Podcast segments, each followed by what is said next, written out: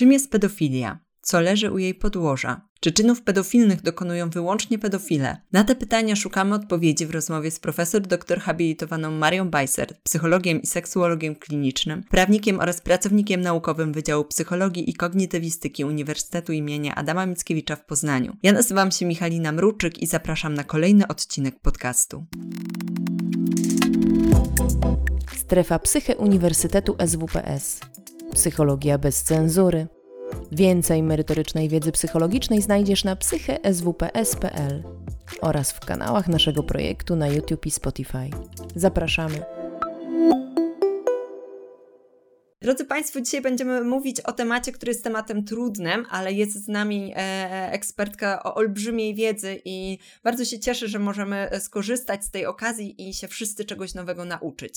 Pani profesor, takie pierwsze pytanie, żeby w ogóle wprowadzić temat. Czym jest pedofilia? Może najkrócej powiem, że pedofilia oznacza pewien stan człowieka. Żeby móc skoncentrować się na tym zjawisku, to wyobraźmy sobie, że to jest zjawisko dotyczące seksualności człowieka i pewnych stanów, które się u niego pojawiają.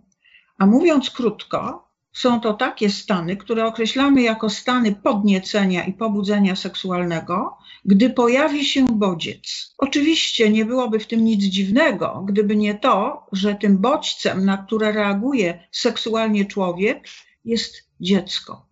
I to jest taki bardzo wyraźny wyróżnik pojęcia pedofilia od innych pojęć pokrewnych, blisko z pedofilią związanych, ale jednak nie tożsamych. Pamiętajmy więc, że pedofilia oznacza stan osoby. Na razie tyle, odpowiedź jej organizmu i to odpowiedź seksualną na bodziec, a tym bodźcem jest dziecko. A to, żeby doprecyzować, dziecko w jakim wieku? Znowu jest to y, bardzo trudne i mhm. szerokie zagadnienie, dlatego że pojęcie dziecko brzmi czasami wyłącznie biologicznie. I wtedy mówię brzmi, bo to nie znaczy, że to jest jeden sposób traktowania dziecka. Możemy dziecko traktować jako osobę, która jest biologicznie niedojrzała. A więc, biorąc pod uwagę to, co się dzisiaj dzieje w Europie Środkowej i w takich państwach cywilizowanych, proces dojrzewania zaczyna się około 10-11 roku życia. Pojawiają się pierwsze elementy związane z tym procesem, i wtedy możemy powiedzieć, że kończy się faza dzieciństwa z punktu widzenia biologii. Mhm. To nie wszystko dlatego że oprócz tego, że możemy dziecko określić biologicznie, to możemy również i powinniśmy zobaczyć, co na ten temat ustawodawca mówi. Dla ustawodawcy, a konkretnie dla zawartych rozwiązań w kodeksie karnym, dziecko w tym wypadku oznacza osobę, która jest małoletnia, a więc oznacza małoletniego poniżej 15 lat. Wokół tego wielka dyskusja. Czy dziecko w ujęciu naszego ustawodawcy, traktowane jako małoletnie poniżej 15 lat, dziecko biologiczne to to samo. Niekoniecznie. Niekoniecznie, dlatego że nasz ustawodawca, i bardzo popieram tego rodzaju rozwiązanie, on zastosował szerokie pojęcie dziecka. I tu wchodzimy z trzecim możliwym rozwiązaniem, takim rozumieniem dziecka. Dziecko jest niedojrzałe, ale nie tylko biologicznie. Dziecko to jest osoba, która również jest niedojrzała społecznie, niedojrzała poznawczo i niedojrzała emocjonalnie. W naszym kraju, gdy chcemy powiedzieć, że ktoś pobudza się na dziecko, no to musimy wiedzieć, że z punktu widzenia prawnika to niekoniecznie musi być ktoś, kto ma cechy biologiczne dziecka.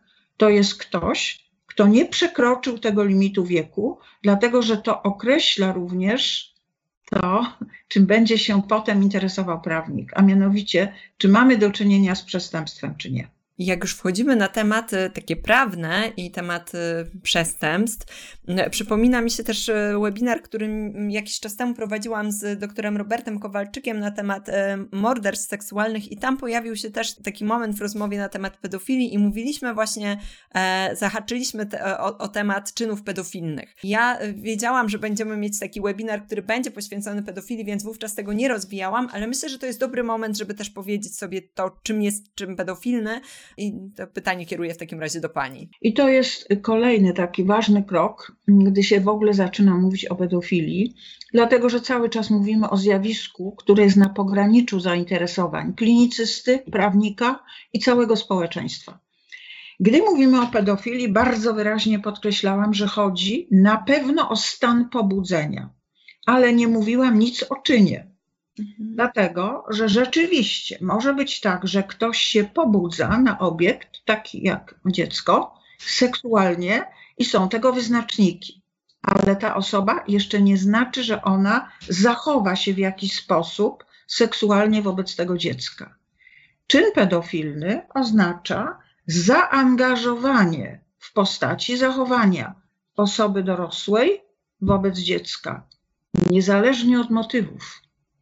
I stąd pokazuję Państwu, jaka jest szeroka możliwość rozumienia czynu pedofilnego.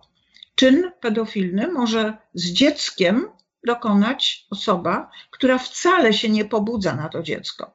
Mhm. Po prostu wykonuje pewne zachowanie o charakterze seksualnym wobec dziecka. Ale oczywiście może być tak, że osoba podnieca się na dziecko i dopuszcza się pewnych niedozwolonych wobec dziecka czynności. I wtedy te dwa zjawiska się schodzą. A więc ktoś jest pedofilem, bo pobudzenie seksualne u niego występuje i jednocześnie występuje zachowanie. Ale może być taka sytuacja, że występują zachowania bez pobudzenia. Dam bardzo prosty, dramatyczny przykład, niemniej taki ilustratywny. Wyobraźmy sobie, że ktoś tworzy, jest y, osobą, która w ten sposób zarabia, pornografię dziecięcą. Sam traktuje dziecko jako taki obiekt jego zainteresowań, jak książka czy pies. Nie pobudza się na te obiekty, ale ponieważ wyprodukował coś, co stanowi element pobudzenia dla innych, no to też obejmuje to czyn pedofilny, to pojęcie. Stąd też mm, Państwo widzą, że stany określane mianem pedofilii i czyny, one się wzajemnie krzyżują, ale nie są tożsame. Ale jest też możliwy taki wariant, y, kiedy osoba będzie się pobudzać, y, gdzie tym obiektem pobudzenia będzie dziecko, ale nie dopuści się czynu pedofilnego, prawda? Tak, mhm. oczywiście. I nie wiem, czy to jest coś, co Państwo będą chcieli rozwijać, ale gdyby tak było, to jestem gotowa różne rozwiązania diagnostyczne, które przyjęliśmy na świecie, zarówno WHO, jak i APA, czyli e, American Psychiatric Association, gdzie rozróżniamy taką sytuację, gdzie ktoś może się pobudzić, występują bardzo wyraźne elementy tego pobudzenia, na przykład wzwód, wytrysk nasienia, lubrikacja pochwie kobiety, Natomiast ta osoba nigdy nie angażuje dziecka w jakikolwiek czyn.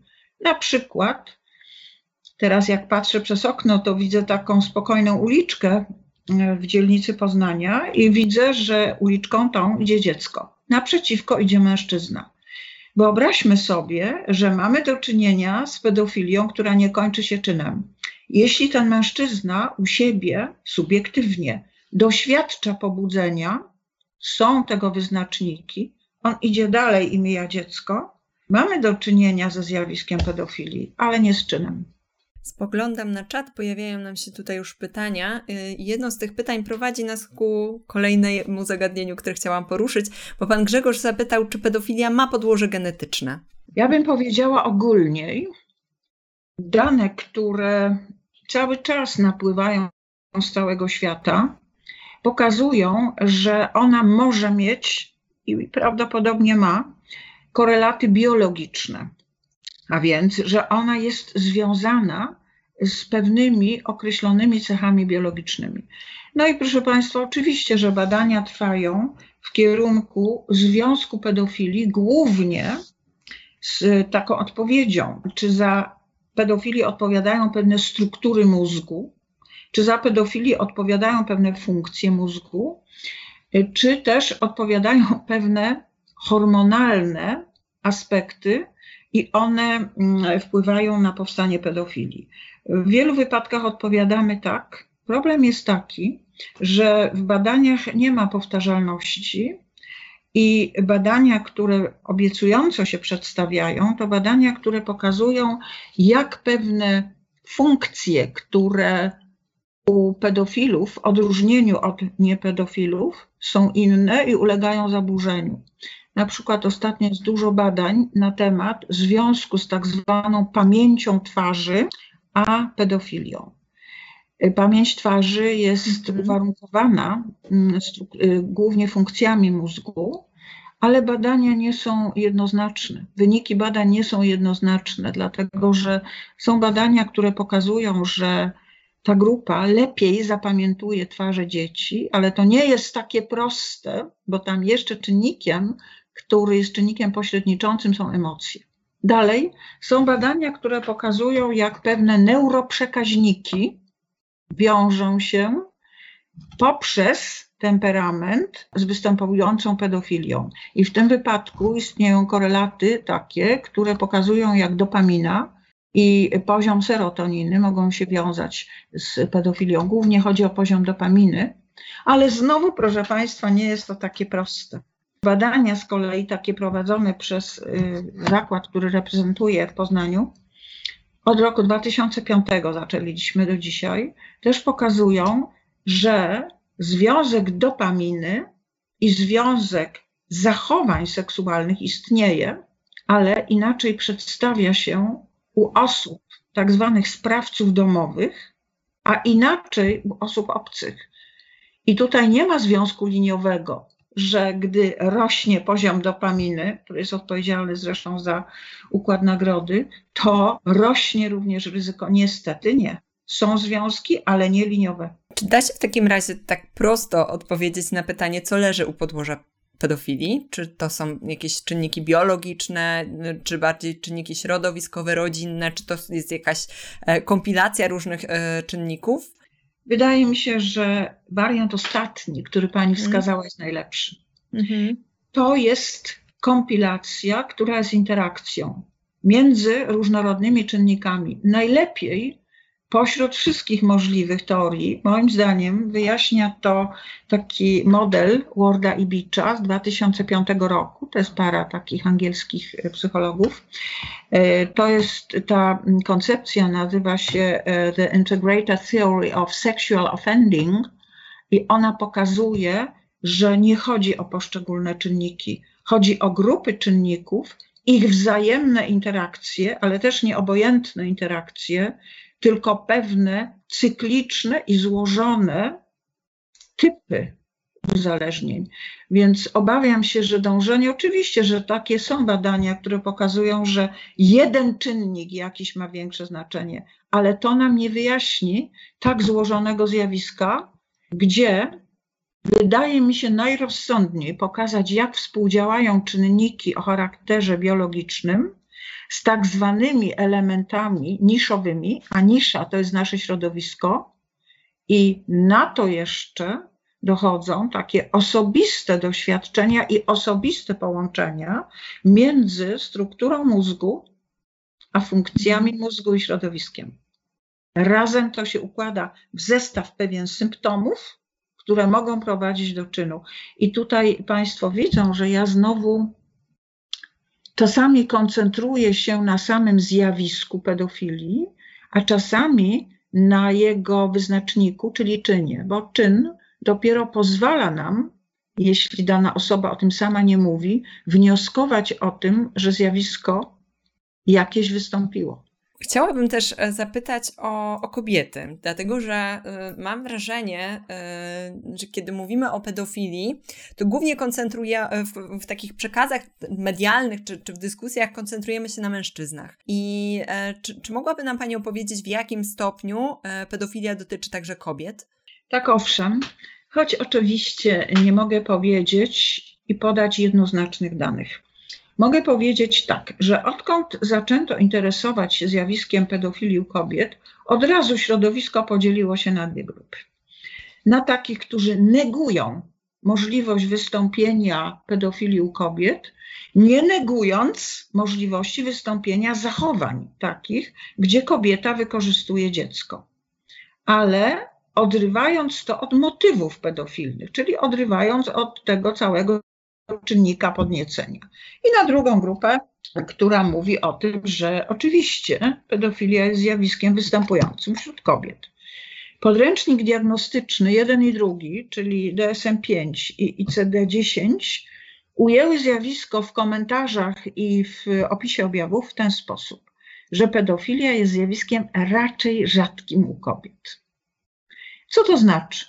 Analizując kilka pozycji, które zajmują się e, pedofilią wśród kobiet, czy wykorzystaniem dziecka przez mhm. kobiety, mogę podać takie dane. Dane najbardziej ostrożne i stare to są dane, które mm, podaje Grot. Niklas Grot jest bardzo znanym uczonym badającym pedofilię, zgwałcenia i w ogóle zjawiska związane z zaburzeniami preferencji. On mówi o tym, że spośród wszystkich sprawców wykorzystań, ale uwaga, nie pedofilii, wykorzystań, to kobiety stanowią niecały 1%. Franka Cortoni, która ostatnio wydała y, książkę na temat y, wykorzystania seksualnego przez kobiety, ona uważa, że ten procent jest wyższy, mhm. o 2%. Natomiast y, Finkelhorn, mm, Amerykanin, który też zajmuje się pedofilią, mówi o 10. A więc Państwo widzą, jak wahają się te dane, e, powiedziałabym tak, jest to zjawisko zdecydowanie rzadsze wśród kobiet niż wśród mężczyzn, ale jest niedoszacowane. O wiele bardziej niedoszacowane niż niedoszacowana jest pedofilia wśród mężczyzn. I na to składa się kilka czynników.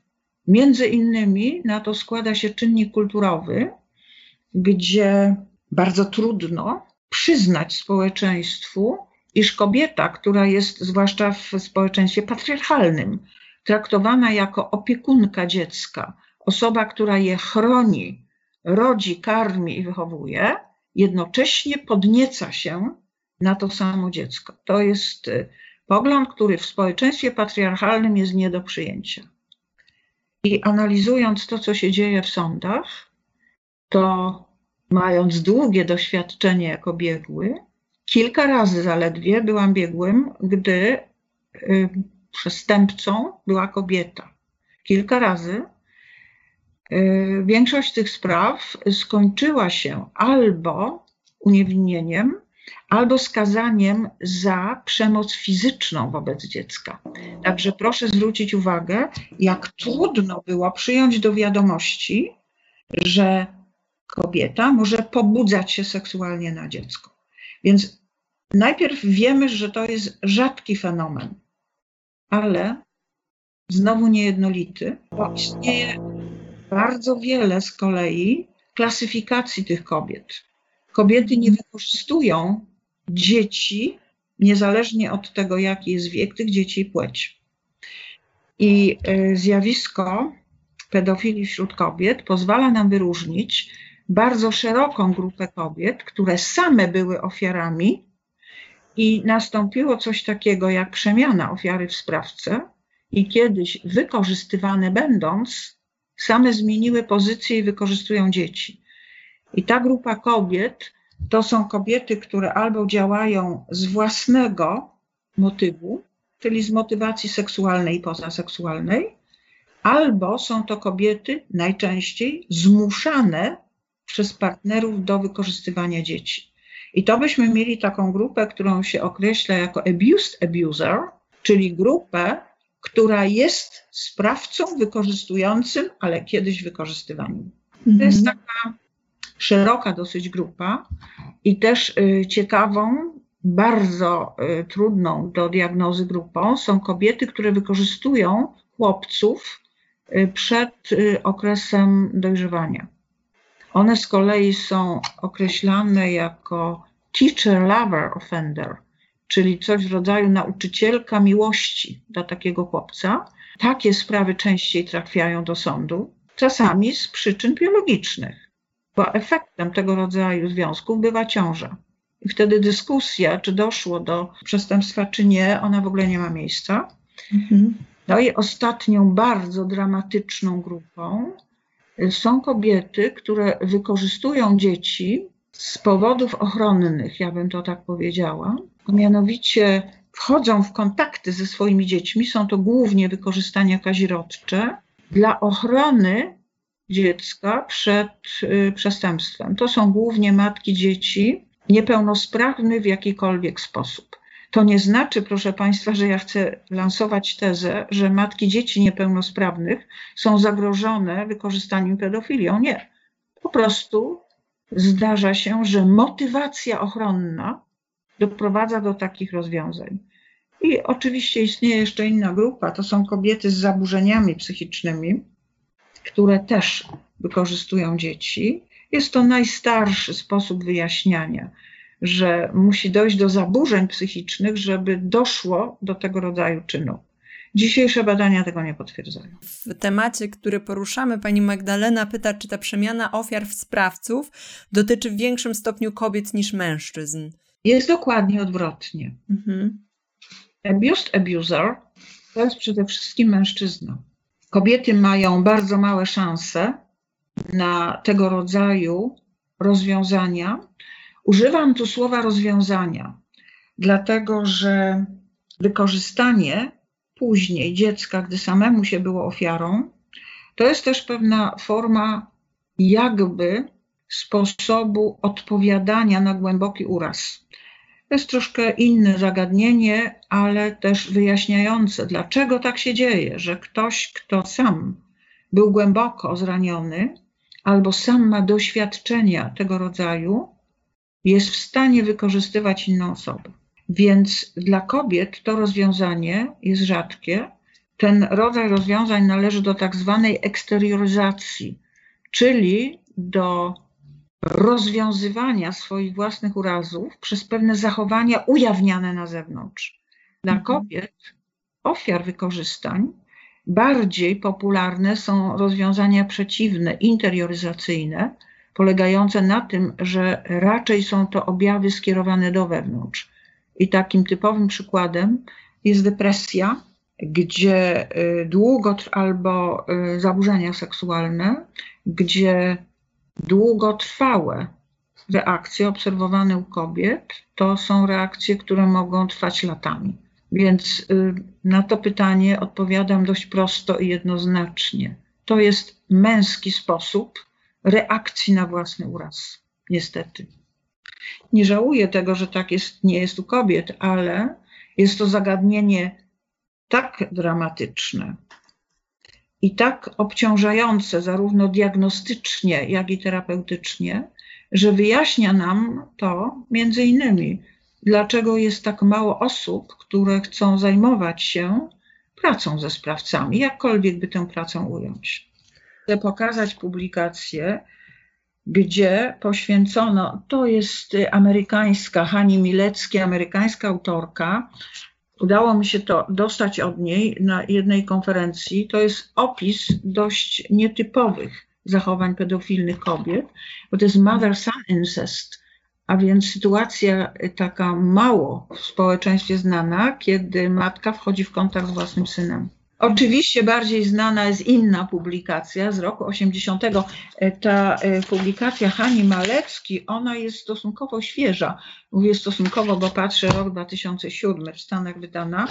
Natomiast taka publikacja kluczowa, która mówi o pedofilii e, z punktu widzenia mężczyzny, nazywa się Father-Daughter Incest i ona jest autorstwa Judith Herman 1980. Że proszę zobaczyć, jak te zjawiska, one też nie są obdarzone jednakową uwagą, bo jednak father-daughter incest jest coś bardziej e, zjawiskiem takim bardziej skoncentrowanym i uwaga na nim, e, uwaga im poświęcona jest wyższa. Niestety częstość też. Chciałabym wrócić też do tematu czynów pedofilnych, no bo jak rozumiem, czynów pe pedofilnych dokonują nie tylko pedofile, prawda? Jakie mogą być motywacje, y, żeby dokonać czynu pedofilnego, jeżeli osoba nie jest pedofilem? Ja zajmę się może motywacją, która dotyczy takich procesów jak emocje i funkcjonowanie poznawcze, dlatego że ten fragment, który dotyczy motywacji ekonomicznych, to ja już omówiłam i mhm. nie bardzo on nas interesuje bo y, motywacja ekonomiczna to jest motywacja związana z zyskiem i tam te osoby zajmują się na przykład produkcją pornografii, rozpowszechnianiem czy prostytucją mhm. dziecięcą. Natomiast bardzo ciekawe zjawisko to zjawisko związane z faktem, że ktoś dokonuje czynu z dzieckiem, a dziecko nie stanowi albo elementu preferencyjnego, albo nie stanowi jedynego elementu preferencyjnego. Co to znaczy? To znaczy, że dobrze by było przywołać teraz podział, który właściwie pochodzi z bardzo starych tradycji, od Nikolasa Grota, który dzieli pedofilów na dwie grupy. Na tak zwaną grupę fiksacyjnych, tych, dla których dziecko jest jedynym, jedynym obiektem pobudzenia. I dla tych osób właściwie nie ma dyskusji. Gdy się pojawia dziecko, to pojawia się pobudzenie i za tym idzie czyn. Może iść czyn.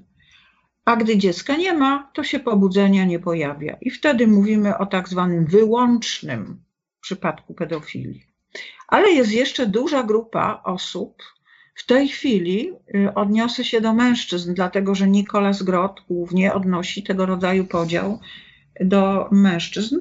To jest taka grupa, która jest oceniana jako pedofile regresyjni albo regresywni. Co to oznacza? To są w gruncie rzeczy osoby, których reaktywność seksualna jest bardzo szeroka. To są osoby, które pobudzają się na obiekty takie jak osoba dorosła. Wszystko jedno, czy płci żeńskiej, czy męskiej. Ale z różnych powodów, czy ze względu na brak dostępu, czy ze względu na czynniki wewnętrzne, one do tej grupy, te osoby dostępu nie mają. No i tutaj bardzo można prosto powiedzieć o tym, że do tej grupy osób, które dokonują czynów pedofilnych, należą osoby, które oceniają siebie jako osoby nie mające szans na kontakt z kobietą. No i oczywiście może to być motywacja subiektywna, czyli te osoby o sobie samych, ci mężczyźni o sobie samych myślą jako o takich, którzy nie mają szans na nawiązanie kontaktu z kobietą, albo z powodów subiektywnych, albo z powodów obiektywnych. I wtedy wybierają obiekt, który ich zdaniem jest obiektem bezpiecznym, dlatego że nie będzie mógł zaprotestować, albo też nie będzie wiedział, co się dzieje. I wtedy kontakt seksualny z dzieckiem, dawniej mówiono, ma charakter zastępczy, czyli polega na tym, że ta osoba wchodzi w kontakt seksualny, mhm. ale wolałaby, gdyby to był kontakt z kimś dorosłym. Oczywiście powstaje pytanie, co się dzieje z satysfakcją seksualną tej osoby. I to jest pytanie o groźnym założeniu, że te osoby są mało usatysfakcjonowane kontaktem z dzieckiem i w związku z czym po takich kontaktach no, poziom frustracji może być wysoki. Efekt jest taki, że dziecko jest zagrożone, a drugi, groźny efekt polega też na tym, że ta osoba będzie szukała następnych kontaktów, niestety też z dziećmi, żeby jakby zatrzeć to wrażenie i mieć nadzieję, że znajdzie coś lepszego. To by była taka forma wyjaśniania przez zaniżoną ocenę własnych możliwości pozyskania kontaktu z osobą dorosłą. Oczywiście jeszcze jest inna postać zastępczych kontaktów, czy tych kontaktów, gdzie chodzi o wykorzystanie i czyny pedofilne, gdzie mężczyzna po prostu boi się dorosłej kobiety. Moim zdaniem jest to ogromna grupa właśnie czynów pedofilnych, które są dokonane przez mężczyzn, dla których obiekt dorosły, mówię o kobiecie albo o dorosłym mężczyźnie, jest tak zagrażający, że lepiej do tego obiektu się nie zbliżać. Mhm. No i wtedy ta grupa zwraca się ku dzieciom, dlatego że dziecko z punktu widzenia tej osoby nie zna istoty kontaktu, nie skrytykuje tego kontaktu i w sytuacji niepowodzenia też dziecko nie będzie miało pojęcia o tym, że do tego niepowodzenia doszło. Oraz jeszcze trzeba powiedzieć o innej grupie tego typu sprawców, którzy się boją dorosłych kobiet. To są e, tak zwani sprawcy niedojrzali i seksualnie, i emocjonalnie, kiedy ich poziom dojrzałości emocjonalnej jest zbliżony do poziomu dziecka. Oczywiście dla jednych jest to pięciolatek, jeśli chodzi o zbliżenie podobnych struktur emocjonalnych, a dla drugiego to jest dziesięciolatek. A dla jeszcze kogoś innego to jest ktoś na granicy 14-15. I ten sposób jest bardzo częsty, kiedy lęk przed dojrzałym obiektem i jednocześnie pragnienie dojrzałego obiektu jest nie do zrealizowania z jednoczesnym ogromnym lękiem przed osobą dorosłą. I stąd dziecko jest bezpieczne, no i też dziecko, tutaj chcę bardzo wyraźnie to podkreślić, jest tak zależne od osoby dorosłej, że dla niektórych sama zależność jest czynnikiem pobudzającym. Sam fakt, że można z tą osobą zrobić wszystko, on mhm. też powoduje bezpieczną sytuację. To są bardzo zarysowane grubo te podziały, ale jeśli Państwo będą chcieli pytać o szczegóły, to proszę. Mhm. E, tak, widzę, że w, tutaj e, pan Bartosz e, zwrócił uwagę, że w, w, Wielkiej Brytanii mówi się też o sytuacyjnej oraz o grupach przewlekłych. Czy mogłaby się pani też odnieść? Tak, tak. Osoby sytuacyjne to są takie, to znaczy sprawcy. Mhm. Sytuacyjni to są tacy sprawcy, którzy mają dostęp do dziecka, czyli sytuacja sprzyja wykorzystaniu, ale wiadomo, że dla dorosłych, zdrowych osób kontakty z dzieckiem, one są niezależne od sytuacji i kontakt z dzieckiem nie musi oznaczać kontaktu seksualnego. Chodzi tutaj o takie osoby, dla których kontrola związana z własną seksualnością może być obniżona, i wtedy taka osoba w sytuacji, gdy dziecko znajduje się na przykład pod jej opieką albo znajduje się w długotrwałym kontakcie, to szansa na wykorzystanie tego dziecka jest niestety wyższa przy zaburzeniach kontroli, ale też nie chciałabym mówić, że chodzi tu o czynnik sytuacyjny. Ja jednak bym mówiła o takich osobach, które pobudzają się, dziecko jest pewnym obiektem i nie chciałabym tej grupy zaliczać do grupy wyłącznie sprawców y, tych regresyjnych, czy takich, którzy nie działają z motywów seksualnych. To jest trudne oczywiście do określenia, czy sama sytuacja działa, czy sytuacja jest tylko wyzwolicielem, czyli tak zwanym triggerem, czyli tym mhm. czynnikiem spustowym. Gdy przyglądam się sprawcą zarówno opisów teoretycz, opisom teoretycznym, jak i działaniom sprawców, no to mogę powiedzieć, że dochodzi do pewnego rodzaju połączenia różnych czynników. A mianowicie dochodzi do tego, że mamy prawdopodobnie do czynienia wtedy albo z osobą, która ma szeroki wachlarz obiektów do pobudzenia i kobiety, i dzieci, i nastolatki, a sytuacja pod tytułem nacisk sytuacyjny, a więc kontakt z dzieckiem, ona przy słabej kontroli zwiększa ryzyko wykorzystania tego dziecka. I to jest sytuacja dosyć, powiedziałabym, niestety przy wykorzystaniach kazirodczych typowa, kiedy mężczyzna długi czas może nie rozpoznawać w sobie tego elementu pobudzenia się dzieckiem. Mhm. Dopiero gdy ma kontakt z własnym dzieckiem, a konkretnie z jego genitaliami, albo w ogóle z nagim ciałem, poprzez tego rodzaju kontakty zaczyna uświadamiać sobie, że reaguje seksualnie. To jest też często... to może być w takich sytuacjach typu na przykład kąpiel, przebieranie nawet? Mhm. Tak, okay. zdecydowanie. E, to są takie sytuacje u kobiet również. I to znowu musiałabym wrócić do tego elementu, o którym mówiłam, a mianowicie do seksualności kobiet i reaktywności. Hmm. E, oczywiście on jest częstszy u mężczyzn. Gdy mężczyzna, współżyjąc z dorosłą kobietą, też wybiera określony typ tych kobiet, ale nie ma świadomości, że pobudza się na dziecko.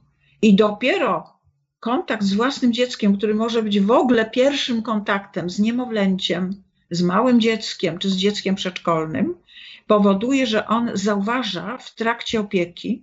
Znam ojców, którzy dopiero odkrywali te skłonności wtedy, kiedy dziecko miało około 3-4 lat i zainteresowanie genitaliami osoby dorosłej powodowało, że osoba dorosła, jakby w odpowiedzi na to zainteresowanie, reagowała seksualnie na dziecko. Ale też znam przypadki, kiedy wzrokowy kontakt, zaznaczam wzrokowy, już sam wzrokowy kontakt z genitaliami córki, dziewczynki nie osiągającej roku, to był pierwszy kontakt w ogóle z genitaliami małego dziecka. I ta osoba odkrywała tego rodzaju u siebie reaktywność. No i potem oczywiście problem polega na tym, czy nacisk sytuacyjny uruchamia zachowanie, czy nie. To to byłyby pewne przypadki wskazujące na sytuacyjność reakcji. Podobne odkrycia pojawiają się, ale bardzo rzadko, u matek młodych, które są przerażone swoją seksualną reaktywnością na genitalia dziecka. Wszystko jedno, czy chłopca, czy dziewczynki. Ale też chcę Państwu powiedzieć, że wtedy diagnoza nie jest taka prosta. Bo rozróżnienie między pedofilią a pewnymi zaburzeniami, tak zwanymi OCD, czyli obsesyjno-kompulsywnymi, to jest wielka praca diagnostyczna, trudna i właściwie już bardzo, bardzo dla wytrawnych diagnostów. Niemniej, żeby odpowiedzieć jeszcze panu, który to pytanie zadał, mhm. to sytuacje przewlekłe, znowu pojęcie bardzo szerokie. Dlatego, że tym wypadku wchodzą w grę różne mechanizmy zachowania i różne mechanizmy trenowania tych zachowań, bo przewlekłość oznacza powtarzalność, czas trwania długi. I wtedy, proszę Państwa, jest trudno powiedzieć, czy mamy do czynienia bardziej z mechanizmami opartymi na reaktywności biologicznej, czy też mamy do czynienia po prostu z nałożoną na tego rodzaju reaktywnością, no, elementem treningu. A więc wszystkimi mechanizmami uczenia się, dlatego że powtarzalność, wykorzystywanie warunkowania bezwarunkowego uczenia się poprzez warunkowanie instrumentalne powoduje, że na te elementy reakcji seksualnej też nałożone są takie procesy jak warunkowanie, nagradzanie i niestety pozytywne wzmocnienia. I wtedy możemy powiedzieć przy długotrwałych zachowaniach, czy też przy analizie sprawców, którzy mają doświadczenie kilkunasto albo kilkudziesięcioletnie, że jeden mechanizm nie wchodzi w grę. Mhm. Bardzo wątpię. Tutaj nas osoby, które nas słuchają, e, pytają już o, mm, o leczenie i to, jak można pomóc osobom z takim zaburzeniem. Natomiast ja, ja, tak sobie myślę, tak jak podsumowuję to wszystko, o czym teraz Pani mówiła, że jeśli tak trudna jest diagnoza e, i w ogóle dojście do, do źródeł problemu i określenie, e, określenie ich, to leczenie również, przypuszczam, jest bardzo trudne. Czy mogłaby nam Pani opowiedzieć o tym, jak można pomóc i, i czy w ogóle można kogoś wyleczyć z pedofilii? Jeśli przez leczenie mhm. uznalibyśmy możliwość przemiany reakcji biologicznej, to nie. Dlatego, że pod Pani pytaniem ja mhm. jednak rozumiem coś takiego czy można spowodować, żeby ktoś kto ujawnia reaktywność biologiczną, no mówiąc krótko, wzwód i wytrysk na dziecko, nagle wyłączył na skutek terapii tego rodzaju reaktywność i zaczął podniecać się na kobiety. Y, chcę jasno powiedzieć, że te pomysły to w tej chwili pomysły, które spotykają się z odpowiedzią negatywną. Takich rzeczy powodować nie można. I to, proszę Państwa, y, jest już rzecz jasna odpowiedzi na pytanie, czy można spowodować, żeby osoba, która się podnieca na mężczyznę, na skutek działań terapeutycznych, zaczęła podniecać się na kobietę. I wszelkiego rodzaju odpowiedzi tak można, to z tego co ja wiem o seksualności człowieka, są nieuczciwe. Można zahamować zachowanie. Reakcje biologiczne w tej chwili nie podlegają naszej kontroli w taki sposób, żeby spowodować, że reaktywność na jedne rzeczy zamieni się reaktywność na drugie. Były różne pomysły na ten temat, głównie oparte na tak zwanej psychoterapii awersyjnej, do której dzisiaj się nie uciekamy, bo jest nieetyczna zwyczajnie. Ale próby były, w latach 60. stosowano tego rodzaju terapię, która polegała na tym, że w momencie reakcji fizjologicznej na bodziec nieakceptowany, na przykład na dziecko, to y, pacjent otrzymywał uderzenie prądem, tak żeby skojarzył reakcję biologiczną z również ciężką reakcją biologiczną karzącą. Y, były efekty, utrzymywały się kilka tygodni, kilka miesięcy, no i efekt wracał, ten pierwotny.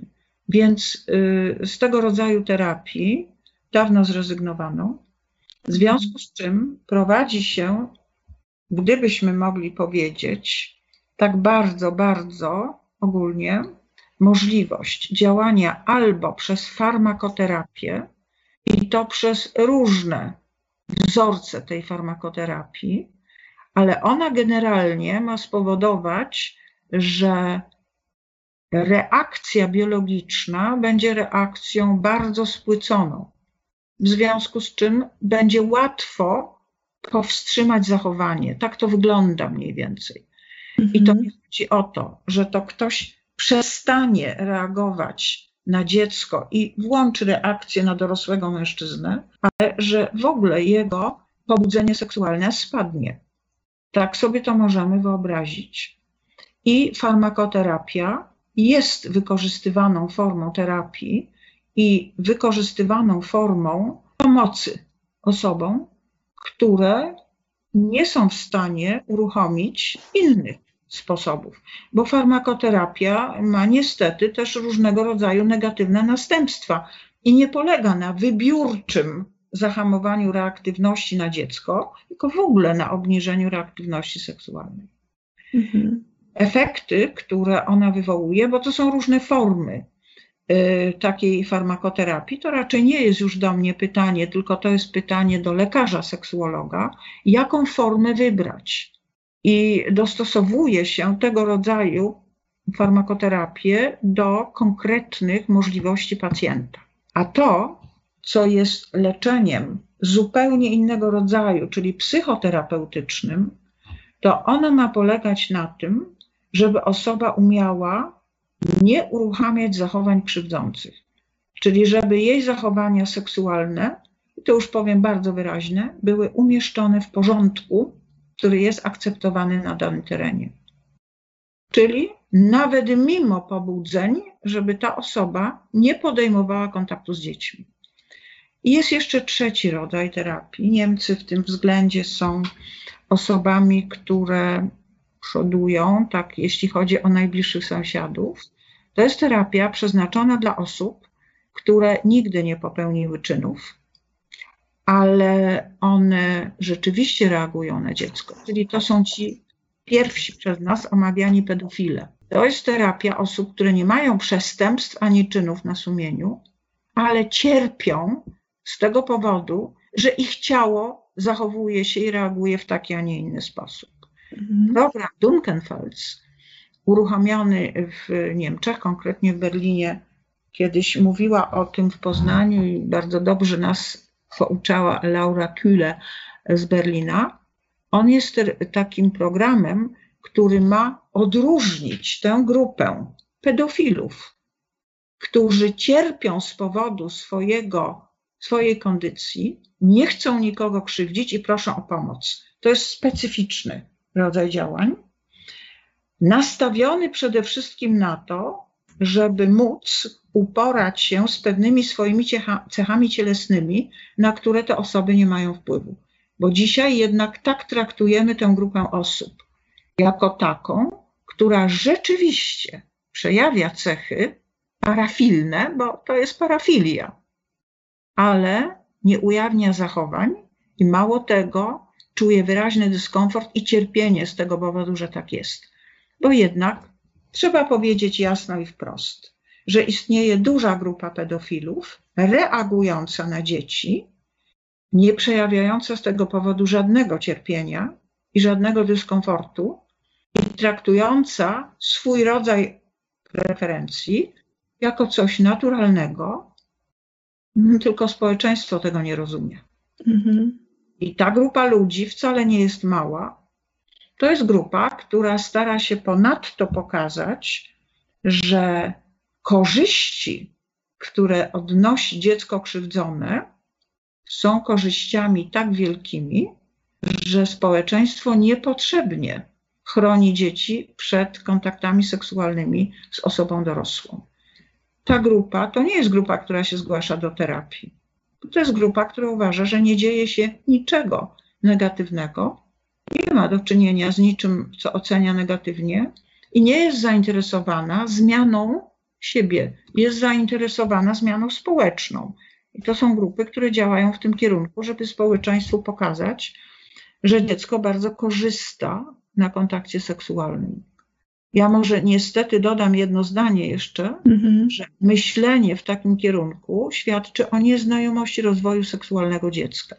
Tak, żeby to było dopowiedziane do końca, że my nie propagujemy ani w trakcie tego webinaru, ani w ogóle tego rodzaju podejścia. Wręcz przeciwnie, klinicyści są przeciw. Znaczy ja jestem w szoku, kiedy słucham tego, o czym pani powiedziała przed chwilą, bo no, przecież na samym początku mówiliśmy, że te dzieci e, definiujemy jako osoby biologicznie i psychicznie niedojrzałe, e, które nie są w stanie świadomie zgodzić się na stosunek seksualny. E, więc y, mm, no, jestem w szoku, że pojawiają się takie grupy, które próbują e, takie podejście przeforsować w ogóle. I zgadzam się z Panią w pełni, że musi się to wiązać z nieznajomością rozwoju dzieci. E, oczywiście, że tak, oraz z nieznajomością siebie, dlatego że gdy pracuję z takimi osobami, to dla tych osób nie do przyjęcia jest pierwszy prezentowany pogląd, że kontakty między dzieckiem seksualne a osobą dorosłą są szkodliwe i destrukcyjne dla obu stron.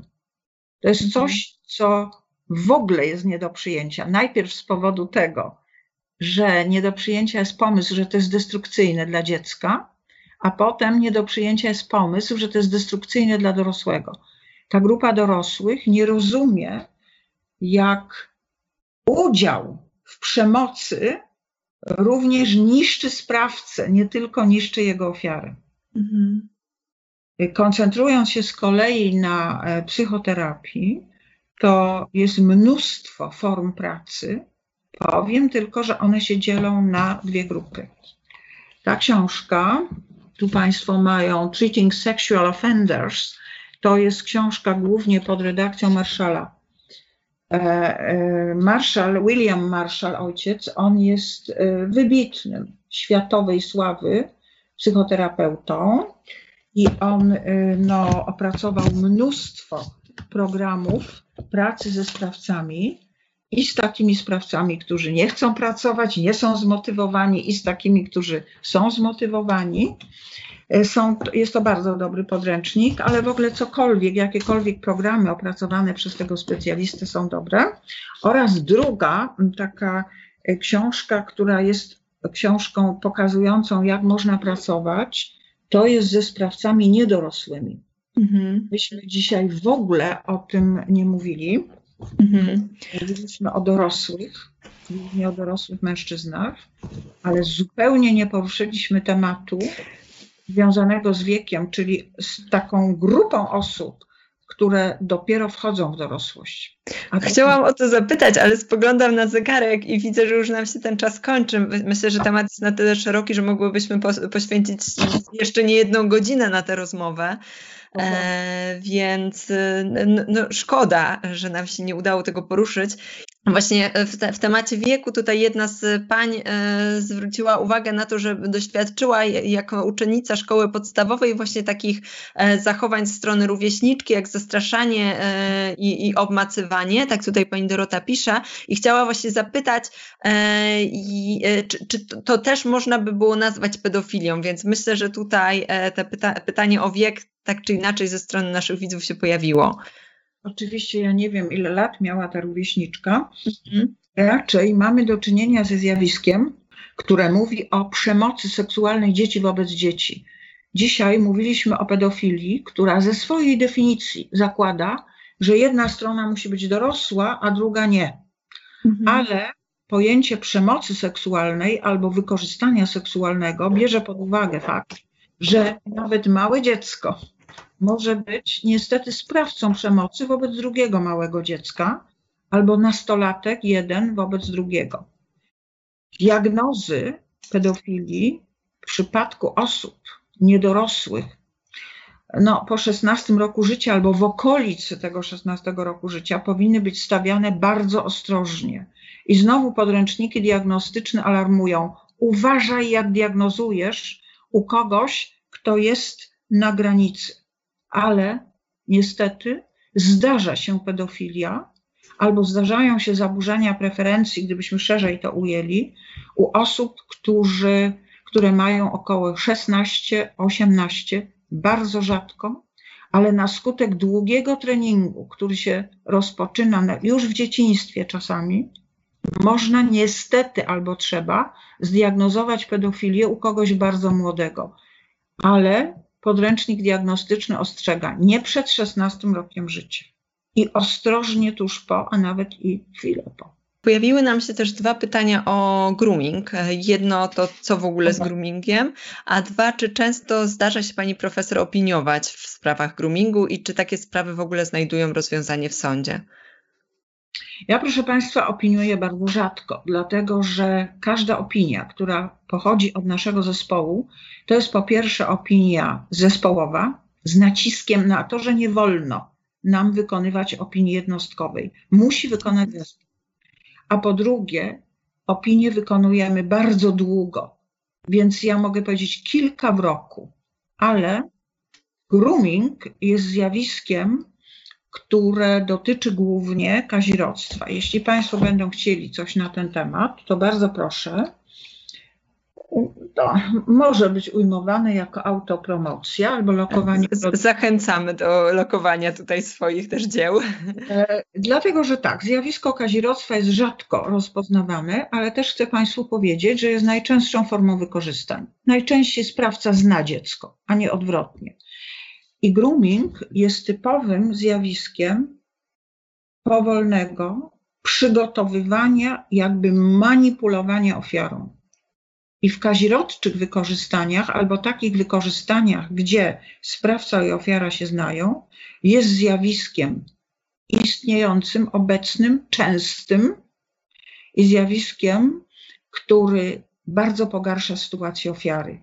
Dlatego, że samo pojęcie groomingu to znaczy zastępowanie czegoś tam czy kogoś na jakimś stanowisku, ale grooming tu oznacza powolne przygotowywanie ofiary, żeby ona nie miała poczucia, że jest ofiarą, tylko była tak uwikłana w to zjawisko, że ona sama nie wie, co się z nią dzieje, w jakiej sytuacji jest i co ma zrobić.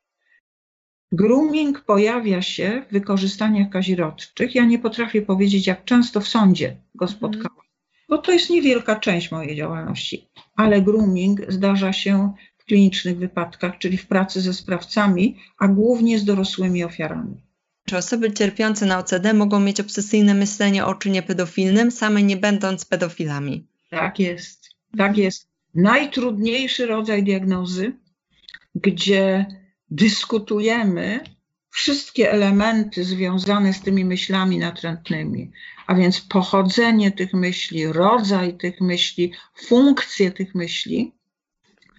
I praca z tymi osobami bywa podobna, jeśli chodzi o meritum, jak praca z osobami, które nigdy nie wykorzystały czynem, ale u siebie rozpoznają reakcję. Z tym, że w przypadku, gdy mamy raczej do czynienia z OCD niż z pedofilią, to te osoby też nie mają czynu, tylko wielki lęk przed dokonaniem tego czynu. I to, ten lęk te osoby rzeczywiście niezwykle męczy i powoduje całą ich trudność sytuacji, że z jednej strony nie mogą się oderwać od nich, a z drugiej strony są zagrożone poczuciem, że nie ufają sobie i mogą coś zrobić. Raczej nie na szczęście. Chciałam jeszcze z Panią poruszyć taki temat prawnych konsekwencji czynu pedofilnego, ale myślę, że y, omówiłyśmy tak dużo y, wątków dotyczących funkcjonowania osób, że już, już nie będę na to poświęcała tak dużo czasu. Natomiast pojawiły się pytania o, y, o to, co się dzieje w takich warunkach e, więziennych. E, to jest pytanie na przykład, e, czy uważa Pani, że terapia pedofilów w warunkach izolacji penitencjarnej ma sens i czy są jakieś badania na ten temat. No i właśnie może tym pytaniem chciałabym jeszcze tak, tak krótko otworzyć wątek tego, co się właśnie dzieje e, w e, polskich warunkach, e, w naszych tutaj warunkach polskich z osobami, które już dostaną za czyn pedofilny skazany. Czy, czy to, co się dzieje, ma jakąś szansę sprawić, że te czyny się już nie powtórzą w przyszłości, jakkolwiek tym osobom pomóc? Tak, y, odpowiedź jest pozytywna, że są tak zwane ESKI, czyli oddziały specjalne w Polsce, gdzie psychoterapia osób, które y, są przestępcami seksualnymi, ma miejsce. Ta forma pomocy ma dwa, dwie postacie. Tak zwaną terapię indywidualną i ma formę grupową. W wielu placówkach, ja podam takie placówki jak Rzeszów, Oleśnica, Goleniów, tego rodzaju terapia jest wdrożona i mogę o tej terapii cokolwiek powiedzieć bliższego, dlatego że jestem superwizorem tych placówek i wiem, co się tam dzieje. Czy taka terapia ma sens? Zdecydowanie tak. Zdecydowanie.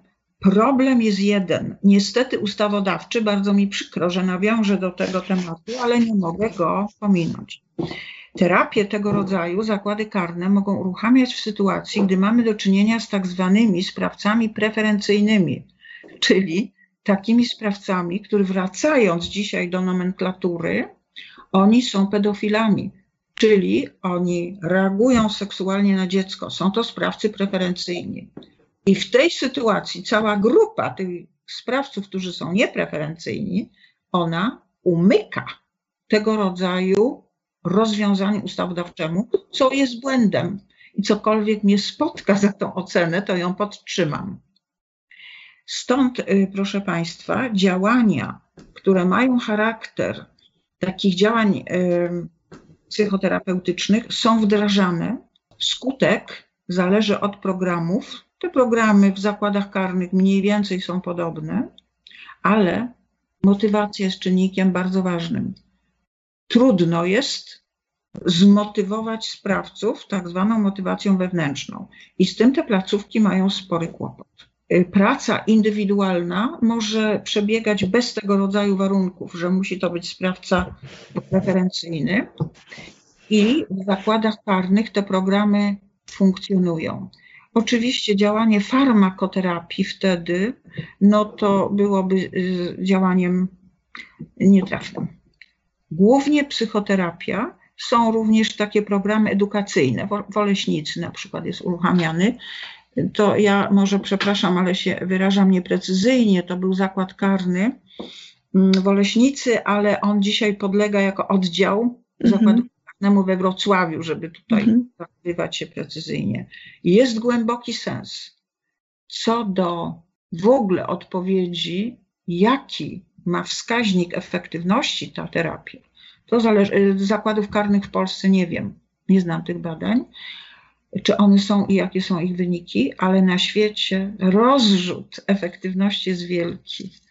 10%, 30%, ale bywa i 60%, w zależności od metodologii, bo to, jak się mierzy, też jest ważne, niezależnie od tego, co się mierzy. Prośba tutaj jeszcze od osób, które nas oglądają, czy mogłaby Pani tak jeszcze nam szybciutko pokazać te książki, które e, nam tutaj e, Pani polecała?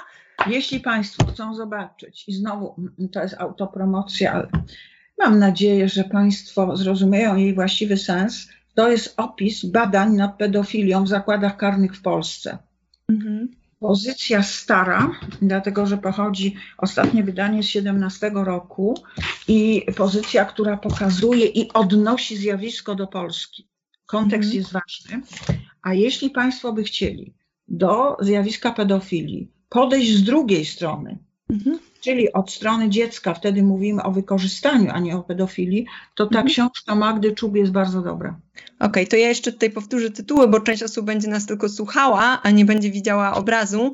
E, czyli pierwsza książka to była Pedofilia autorstwa pani profesor Mar e, Marii Weissert, druga książka Zrozumieć dziecko wykorzystywane seksualnie. Tak jest, to są takie rzeczy spośród bardzo wielu wydań w mhm. Polsce które kompleksowo ujmują zjawisko. A jeśli Państwo chcą coś, co dotyczy po prostu tematu, o którym dzisiaj prawie, że nie mówiliśmy, mhm. to kazirodztwo, bo to jest w ogóle temat tak stabilizowany, że nie wiem, czy to się nadaje na webinar. Mhm. Kazirodztwo też autorstwa pani profesor. Pani ma ogromny dorobek e, i, i e, ogromną e, liczbę własnych pozycji książkowych, publikacji, więc jesteśmy wdzięczni tutaj, myślę, wszyscy za podzielenie się i, i za przedstawienie nam też swojej właśnie pracy. To będziemy kończyć w takim razie. Dziękuję pani serdecznie za bycie z nami, za podzielenie się swoją wiedzą. E, I dziękuję też Państwu za zaangażowanie i aktywność. Zapraszam też na kolejne webinary. Zapraszam do słuchania naszych podcastów i oglądania materiałów na blogu Strefy Psyche. Dziękuję serdecznie jeszcze raz Pani Profesor. Ja również dziękuję Państwu za to, że są Państwo gotowi na przyjęcie pewnej wiedzy, bo dzielić się wiedzą to jest najprzyjemniejszy proces, jaki sobie w ogóle można wyobrazić. Dziękuję uprzejmie.